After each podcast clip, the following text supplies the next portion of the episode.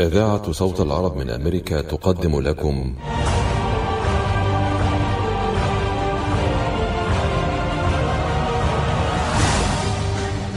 شاهد عيان.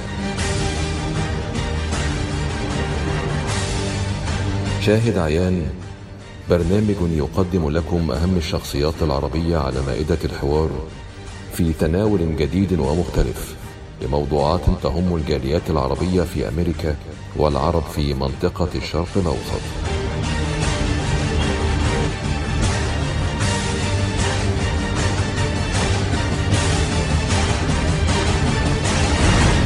أهلا بكم مستمعينا الكرام مستمعي إذاعة صوت العرب من أمريكا في كل مكان.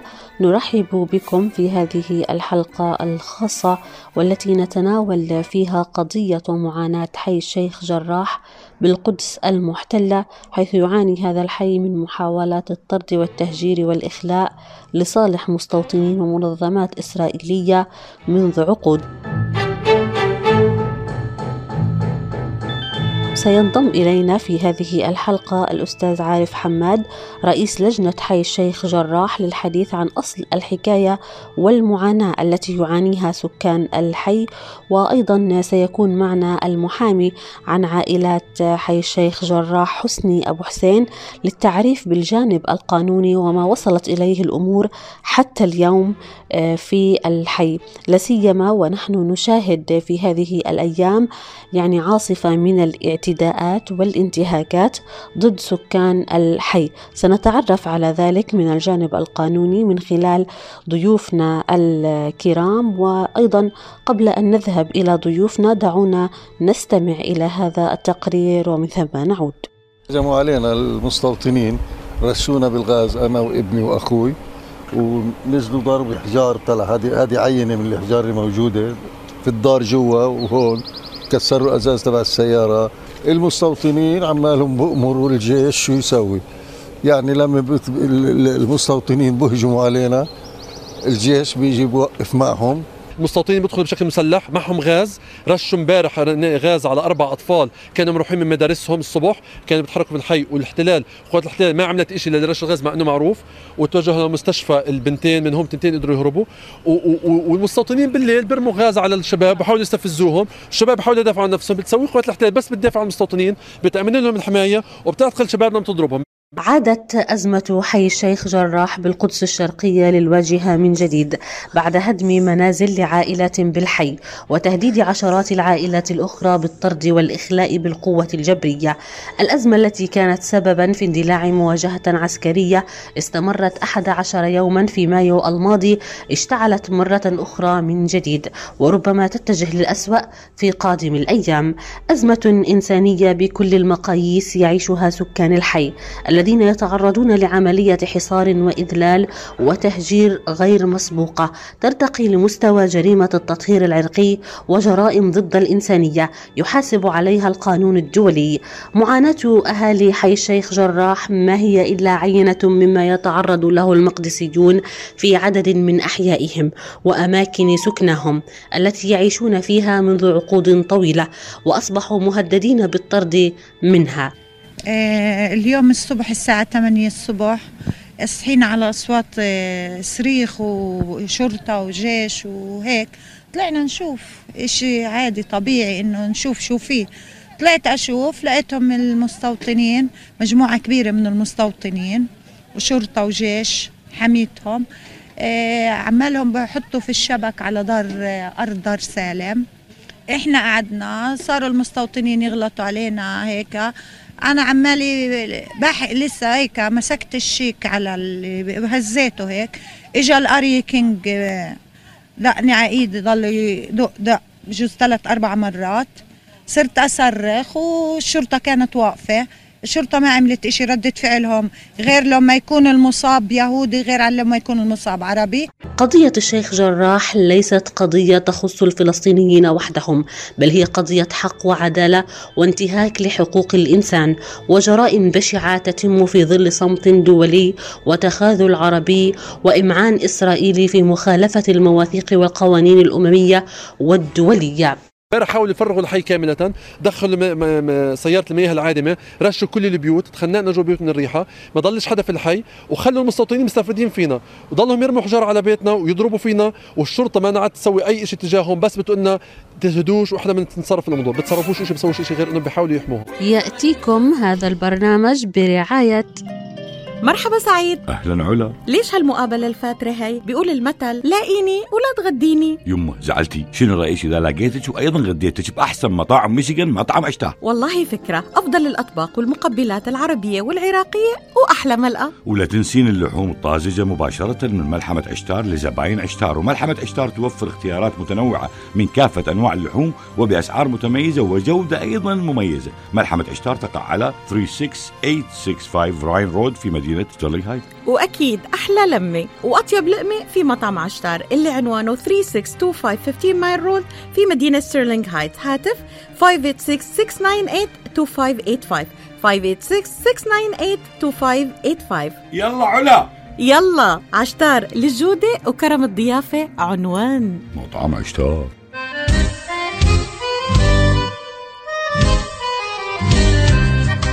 New concept products and design. بإدارة نجي عبود هل تحتاج فتح مطعم؟ هل تحتاج فتح محل المواد الغذائية؟ هل تحتاج تصاميم وخرائط؟ اتصل بناجي عبود على الرقم 734-744-9796 هل تريد شراء معدات المطابخ والمطاعم وبأسعار مخفضة وتسهيلات بالدافع؟ اتصل بناجي عبود الآن على الرقم 734-744-9796 خصم 5% عند الشراء ب 75 ألف أو أكثر على كافة المواد لمزيد من المعلومات زوروا موقعهم الإلكتروني على www.newconceptproducts.com. أو زوروهم في موقعهم الجديد 31185 Schoolcraft in Livonia. ناجي عبود العلامة المميزة في عالم المطابخ حكي معونه فهم في العين وأفهم كمان في ومن بمثل خبرة الدكتور عماد نقاش أستاذ الطب وجراحة العيون في جامعة وين. خبرة طويلة في التعامل مع أمراض العيون وجراحتها عمليات تعديل وتصفية النظر إزالة الماء الأبيض والأسود الجلوكوما وتصحيح النظر من أثار مرض السكر. كادر متخصص ومتدرب لخدمتكم.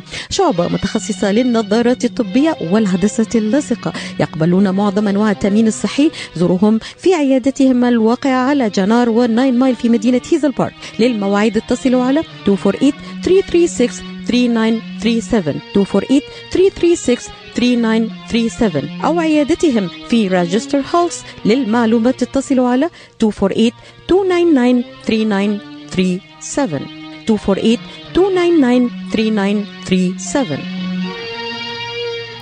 الآن سينضم إلينا عارف حماد رئيس لجنة حي الشيخ جراح ليحدثنا عن فكرة عن جذور الأزمة وما يعانيه سكان الحي مع محاولات التهجير وأيضا يمتلك الفلسطينيون وثائق تثبت ملكيتهم وإلى أي مدى يفيد ذلك طعونهم القضائية أمام المحكمة العليا الإسرائيلية؟ سنستمع من خلال المقابلة التفصيلية للعديد من الإجابات حول الأسئلة التي تدور في أذهان الكثيرين. أيضا سنتعرف من خلاله على وثائق تثبت ملكية المقدسيين في حي الشيخ جراح وإلى أي مدى يفيد ذلك طعونهم القضائية أمام المحكمة؟ العليا الإسرائيلية والكثير من الأسئلة يجيب عنها الأستاذ عارف حماد. نترككم مع هذه المقابلة. السلام عليكم. الله يمسيكم بالخير. آه راح أقدم فكرة عن آه جذور القضية والأزمة اللي إحنا فيها. طبعا آه أنا راح آه أسرد قصة العائلة الخاصة فيي آه وهي عبارة عن قصة كل أهل الحي. إحنا مهاجرين من سنة 1948 من حيفا. هاجرنا ما حملناش معانا إشي من حيفا. وتركنا بيوتنا تركنا أثاثنا تركنا كل ما نملك في حيفا وجينا خالين الإيدين للقدس.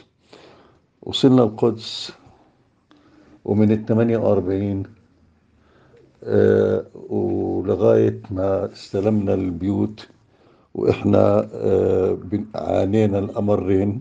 بعدم وجود آه، بيوت تأوينا و- وعدم وجود عمل.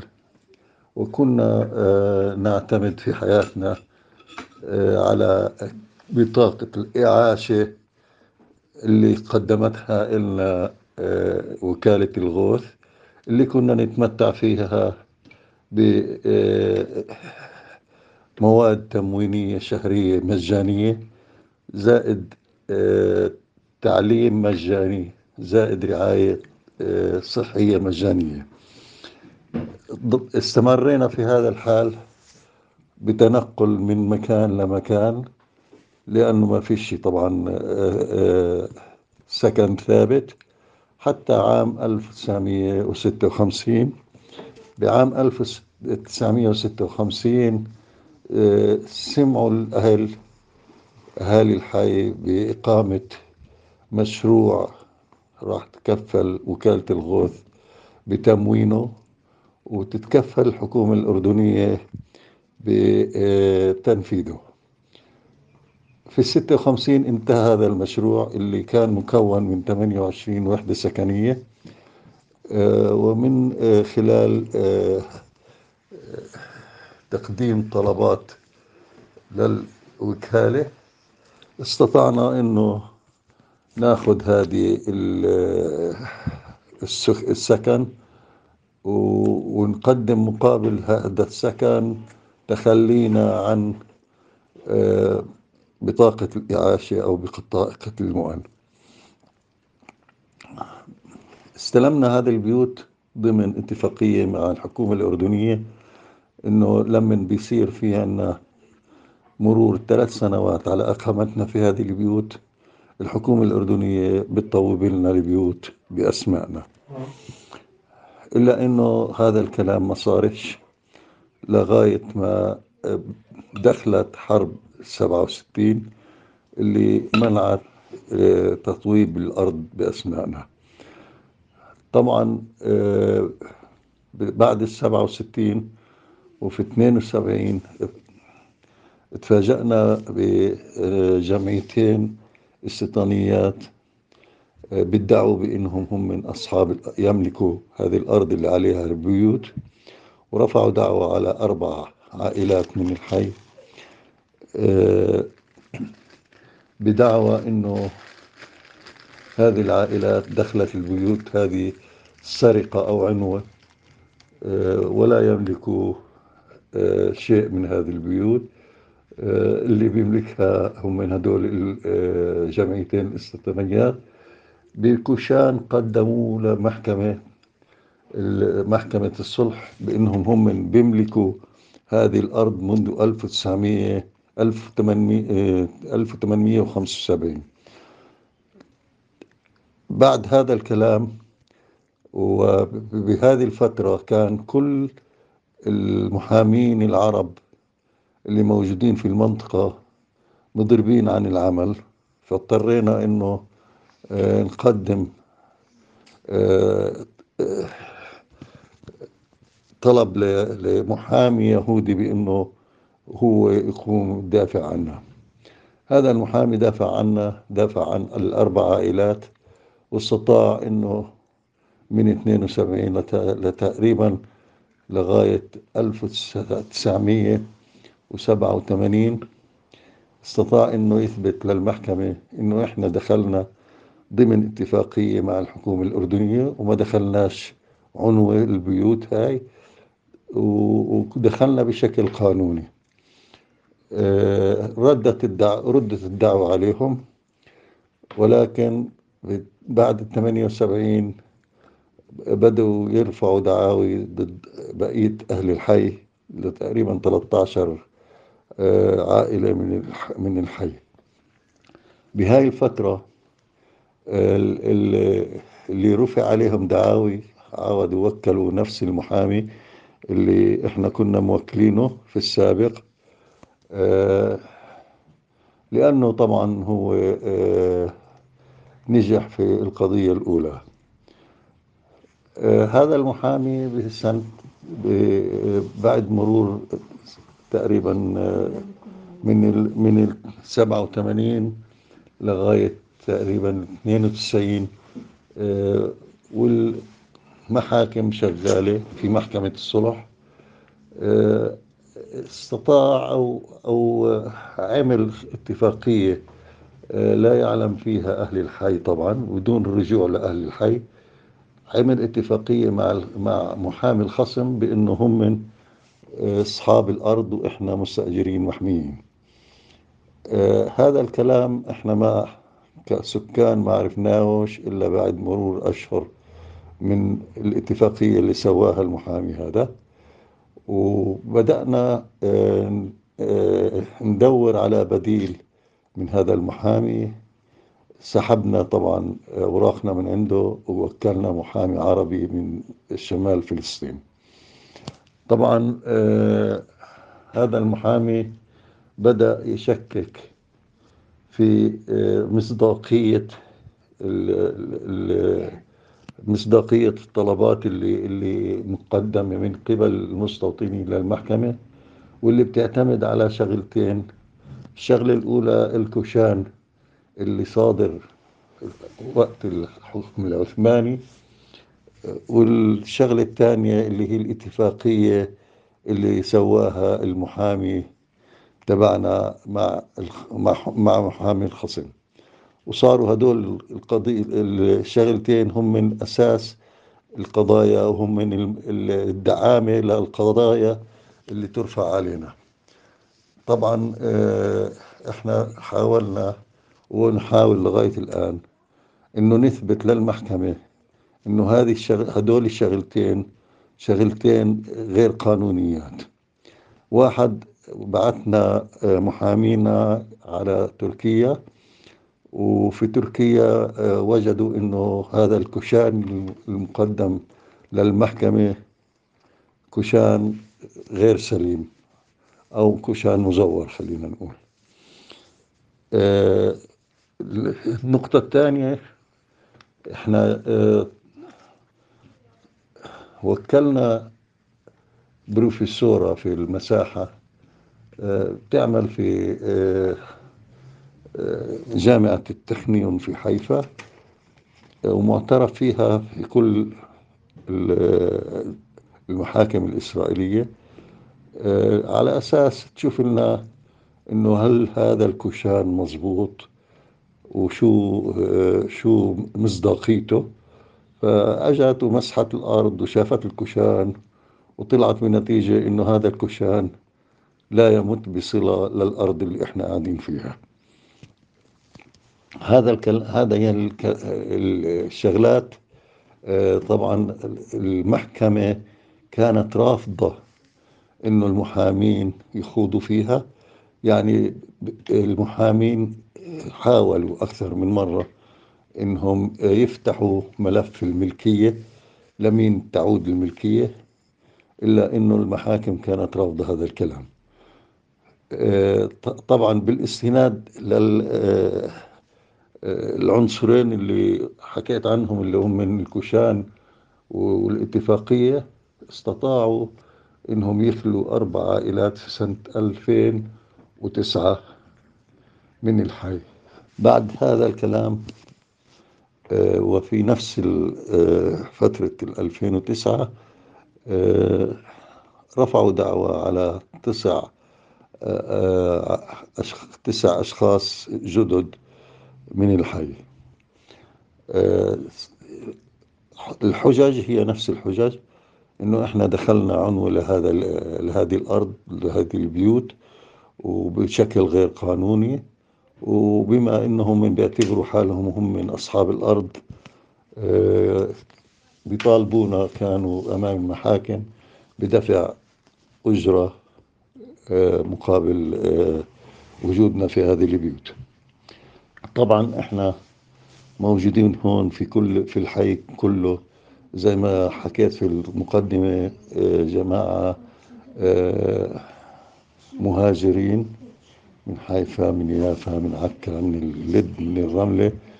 وبعدين آه، آه، يعني وجودنا هون آه، بتكون من اثنين- آه، 28 وحدة سكنية منها فيها 74 أسرة 500 شخص و111 طفل.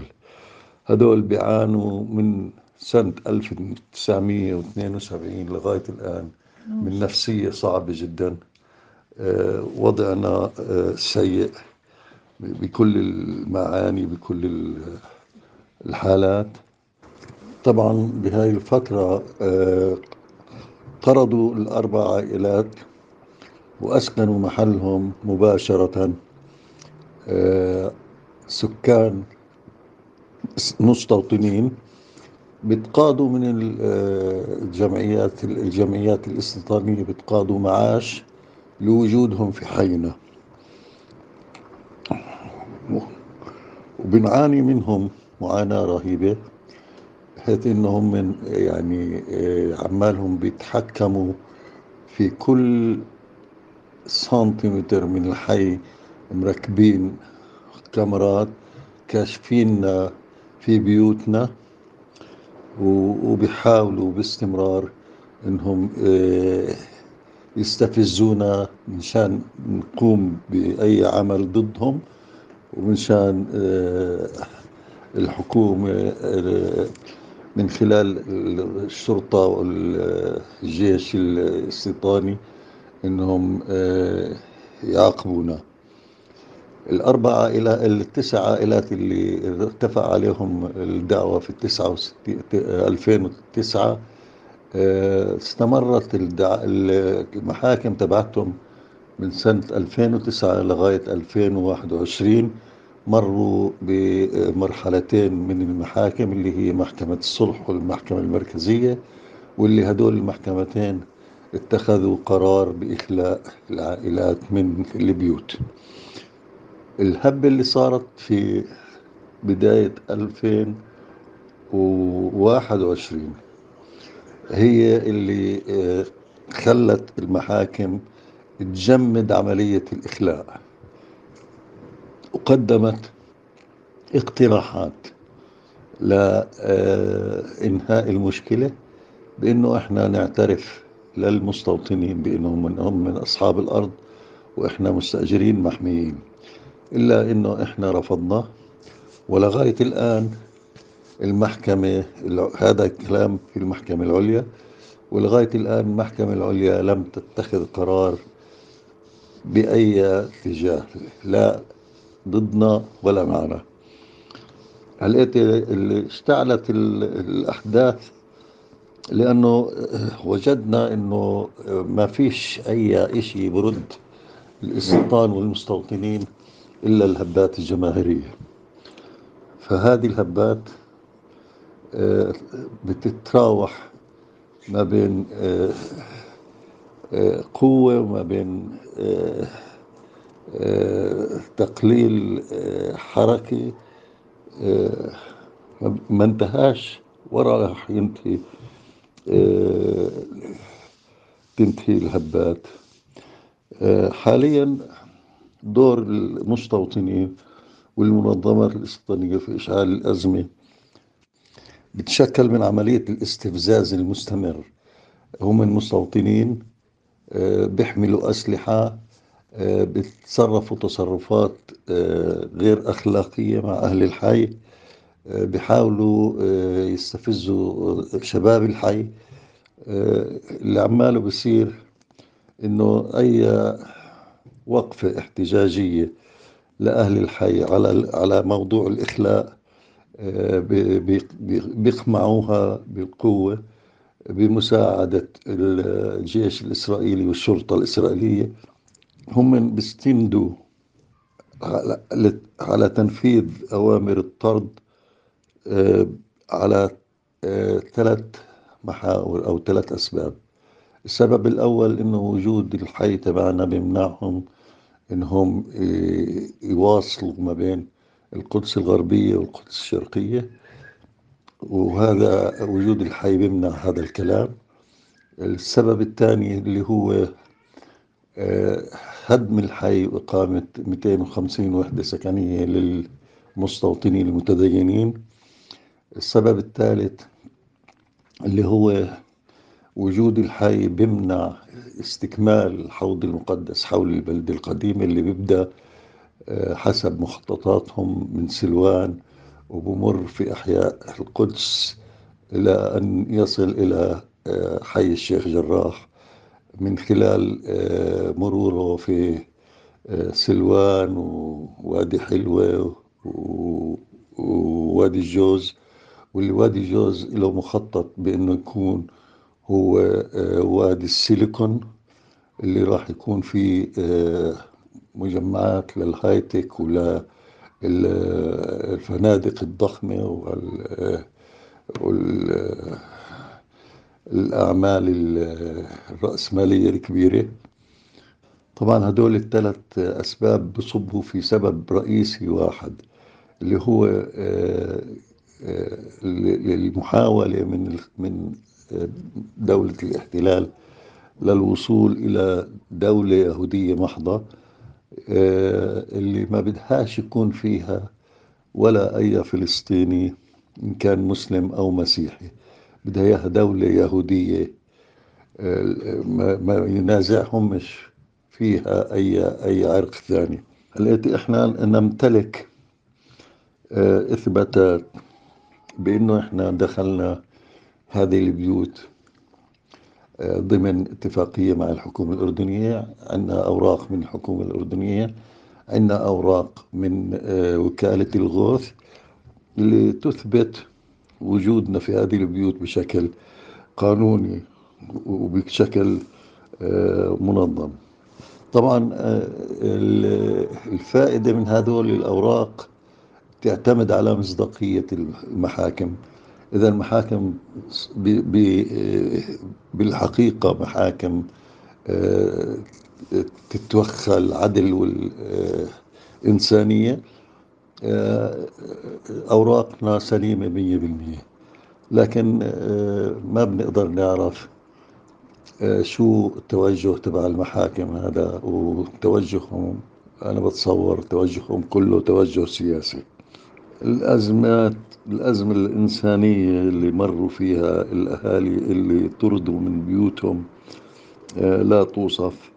آه، تشتتت العائلات آه، كل أسرة بجهة. مثال بسيط في عائلة من من العائلات اللي طردت من بيتها اللي هي عائلة الغاوي مكونة من سبع أسر.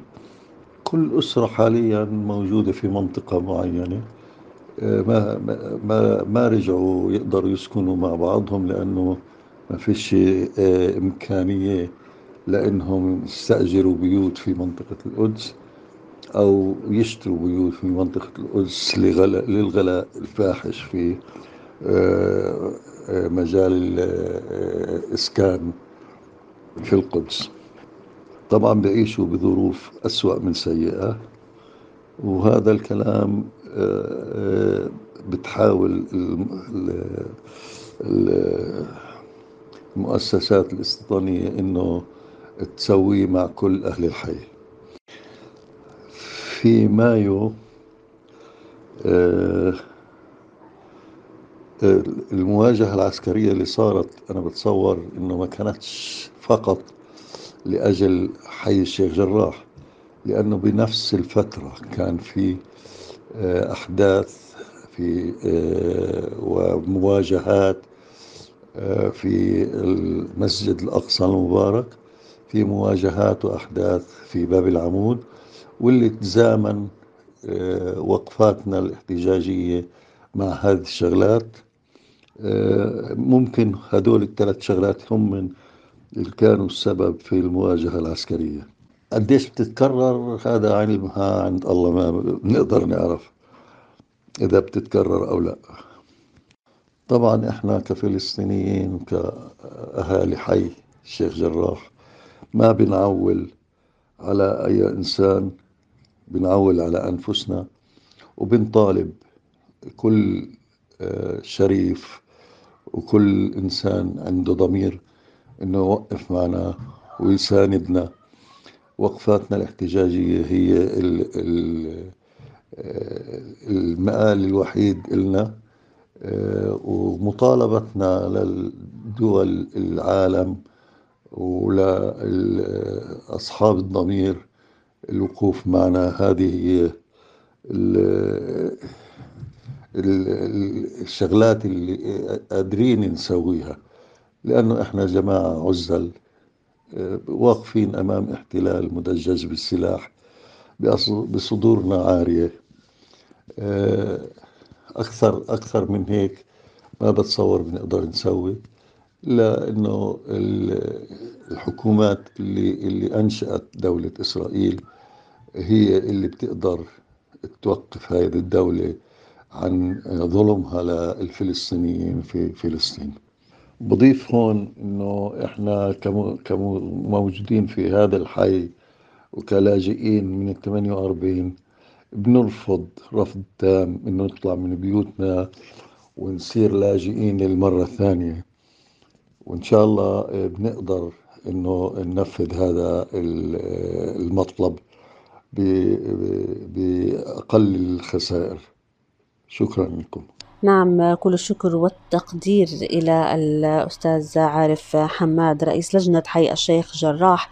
كان معنا من القدس المحتلة وبالتحديد من حي الشيخ جراح. حدثنا عن المعاناة الحقيقية التي يعانيها سكان الحي وأيضا لمحة تاريخية عن الأسباب التي تدور أو الأحداث التي تدور في الشيخ جراح. إنما هي ليست وليدة اللحظة منذ عقود يعاني سكان هذا الحي من محاولات كما ذكر ضيفنا الطرد والتهجير والإخلاء. هذا البرنامج برعاية يلا سوا يا حبي نسهر.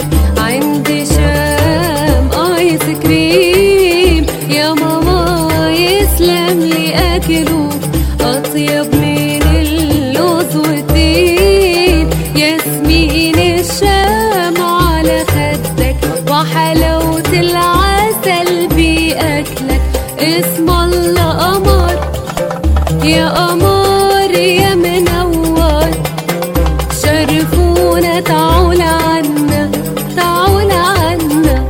8857 Orchard Lake مدينة فارمينغتون هيلز أو اتصلوا على 248 516 3130 مركز Top Rehab للعلاج الطبيعي بإدارة الدكتور محمد فرح حسين أخصائي العلاج الطبيعي بخبرة أكثر من 13 عاما. Top Rehab يقدم خدمات العلاج الطبيعي وإعادة التأهيل ويضم مجموعة من أفضل أخصائي التشخيص الدقيق للحالات المرضية مع خبرة عالية في التعامل مع الحالات التي تحتاج إلى إعادة تأهيل وعناية خاصة بعد العمليات والكسور. طب رهاب يستقبل كل الحالات المتعلقة بألم الرقبة الظهر المفاصل شلل الوجه الانزلاق الغضروفي عرق النساء الحوادث وإصابات العمل. خبيرات في المعالجة النسائية لخصوصيات تامة للسيدات. عندما تبحثون عن رعاية متميزة اقصدوا توب ريهاب للعلاج الطبيعي.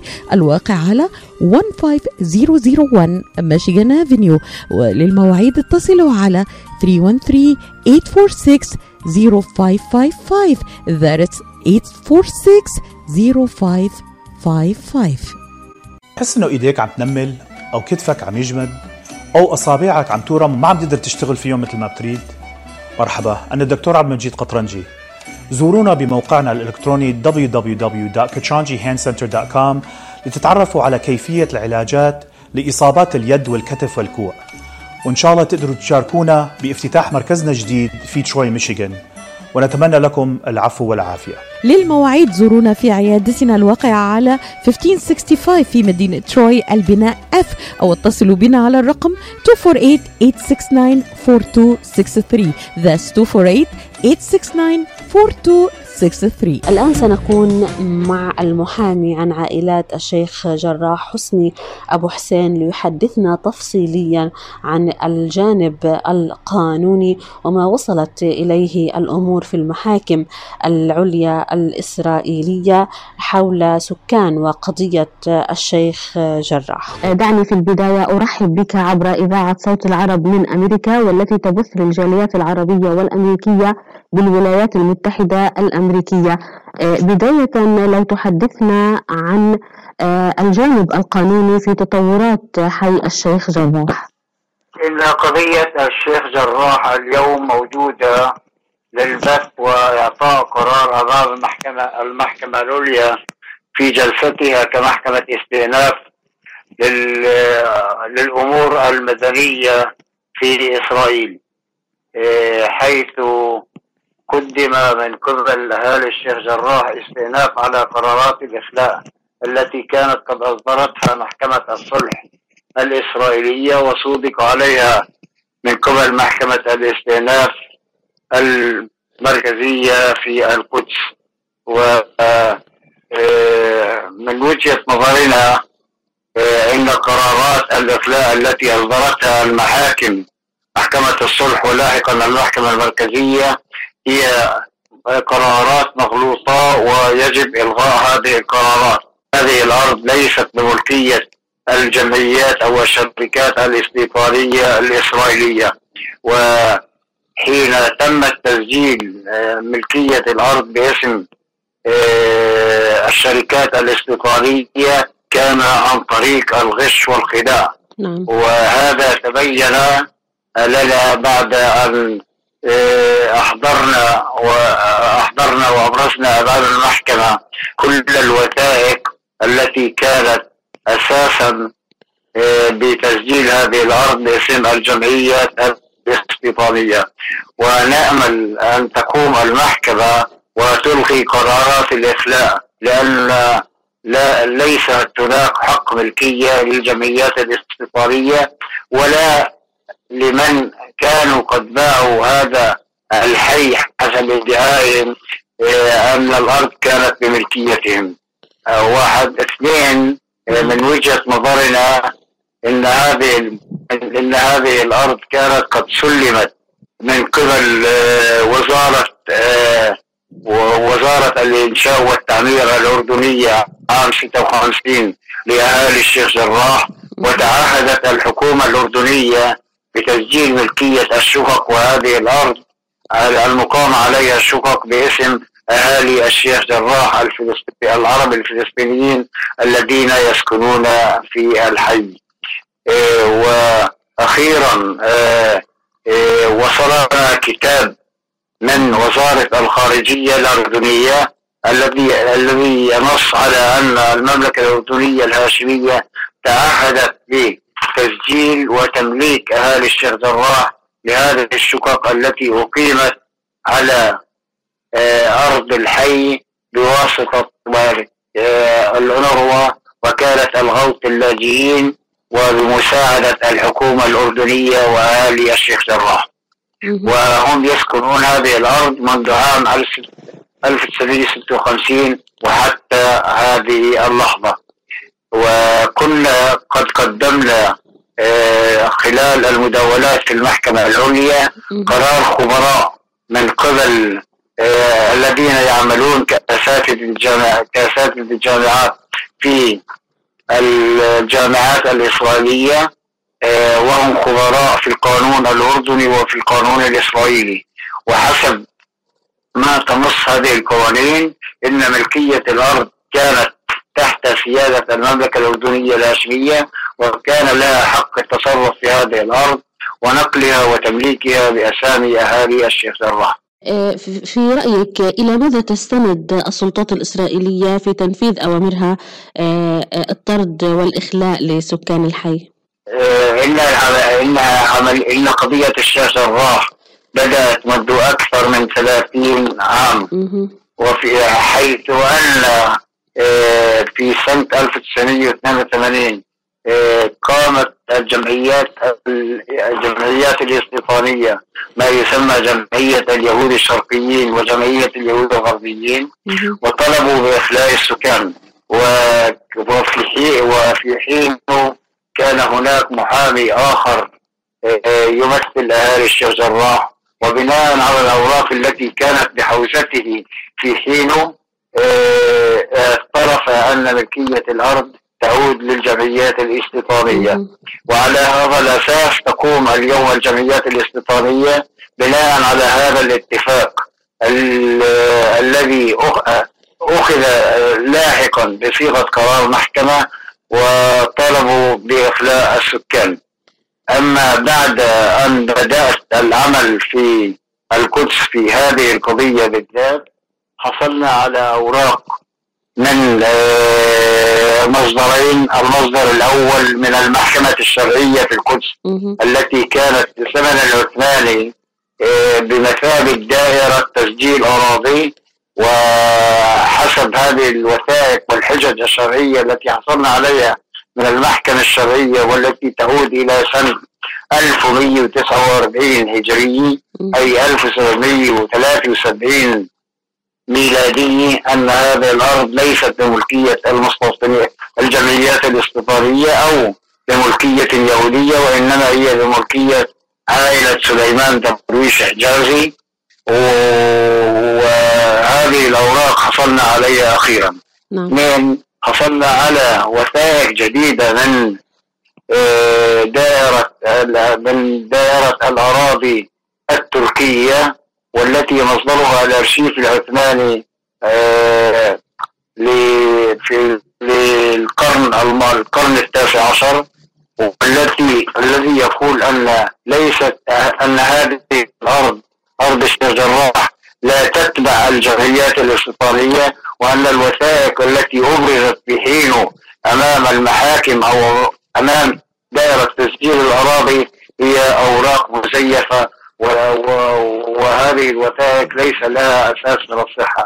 بناء على ذلك آه، نتصور أنه حين تقوم المحكمة وتدرس كل هذه الأوراق أو الوثائق والموجودة أمامها سوف تقرر بإلغاء الأوامر الإخلاء التي صدرت ضد أهالي الشيخ جراح.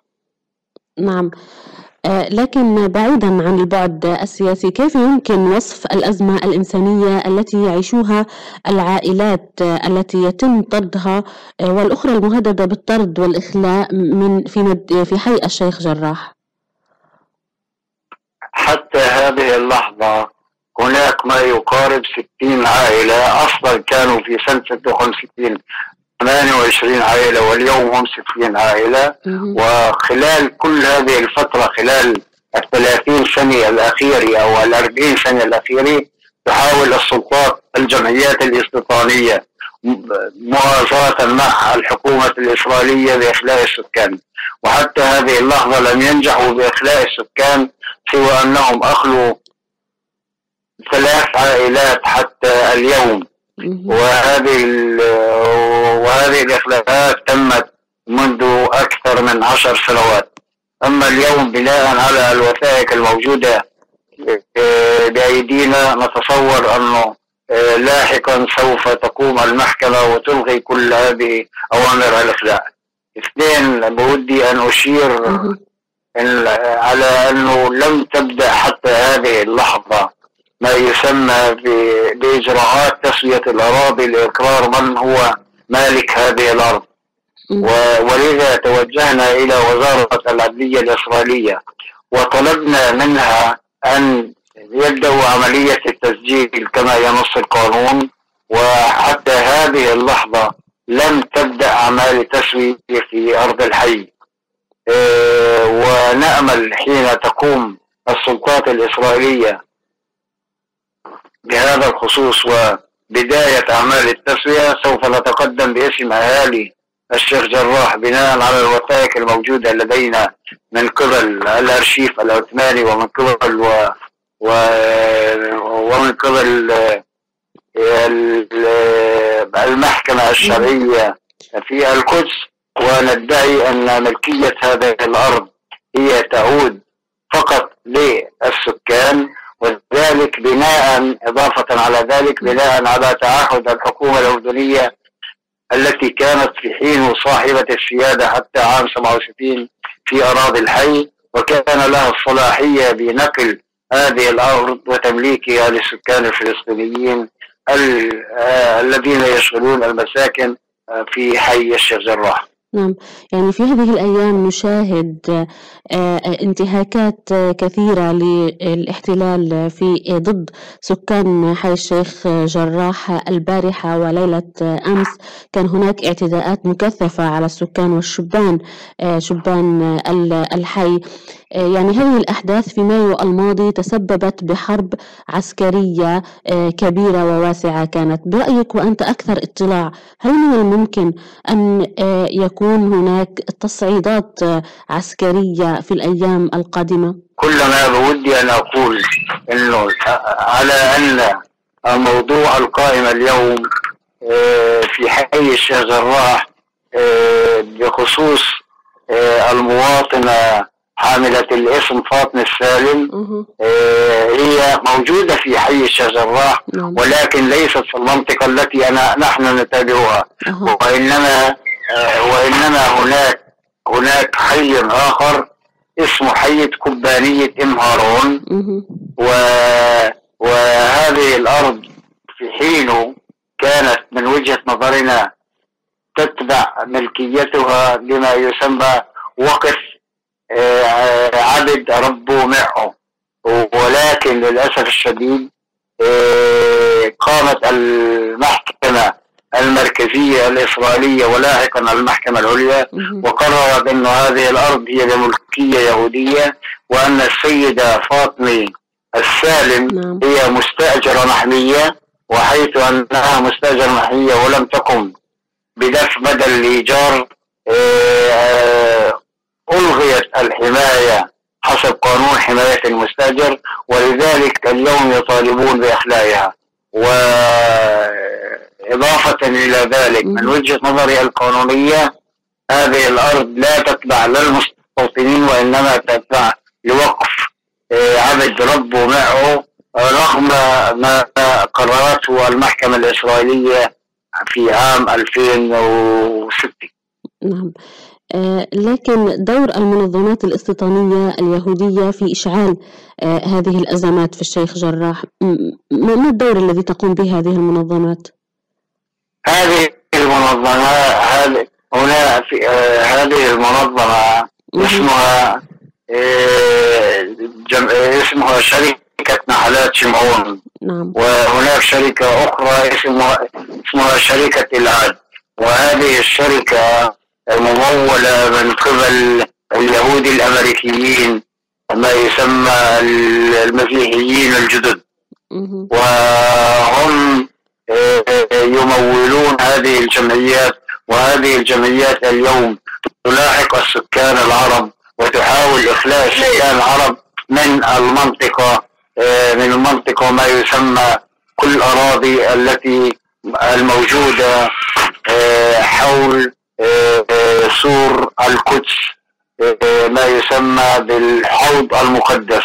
وهم يحاولون إخلاء السكان من آه، حي سلوان ومن حي الشيخ جراح ومن حي كبانية إم هارون. ولا يريدون أن إطلاقا أن يروا هناك أي فلسطيني يسكن في هذه المنطقة.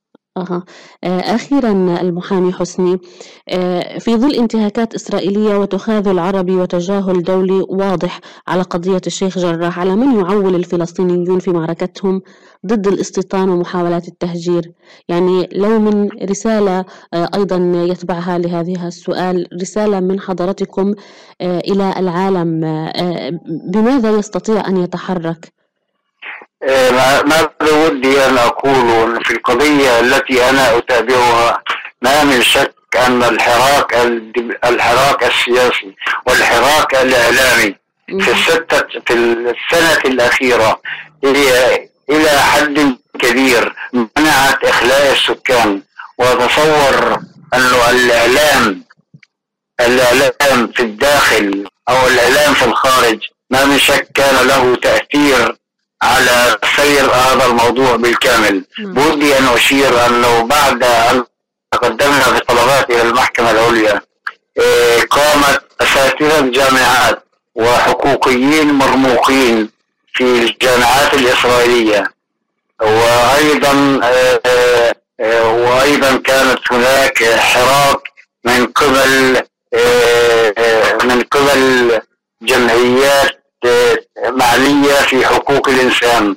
وطالبت آه، وطالبت الحكومة الإسرائيلية آه، بمنع إخلاء السكان العرب لأنه هذا الموضوع سوف يشعل المنطقة برمتها كما حدث في السنة الماضية في شهر أربعة وشهر خمسة.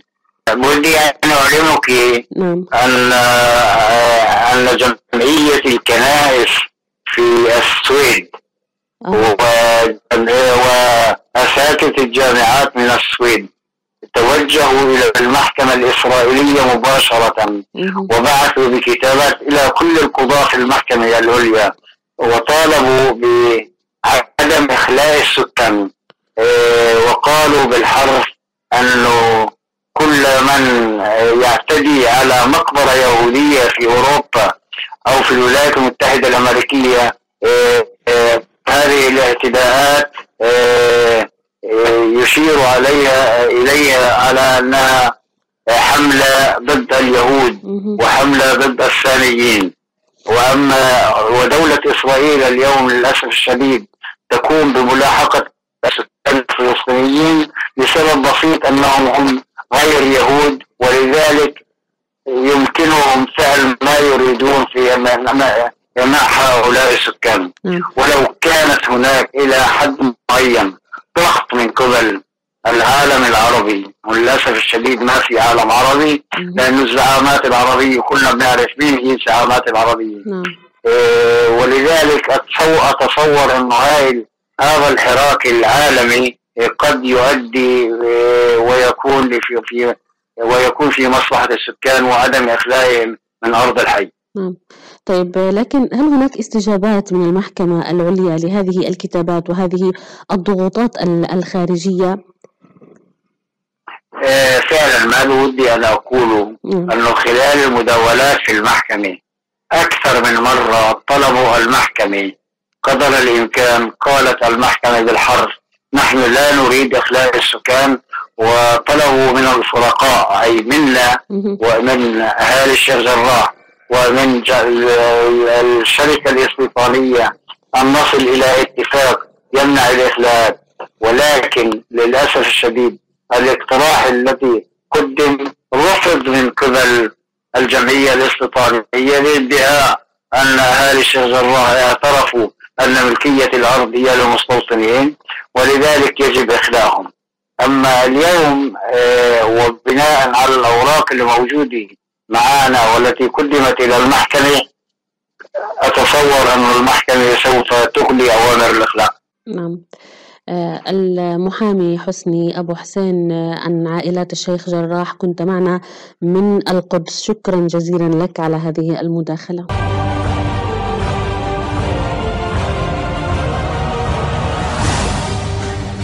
شاهد عيان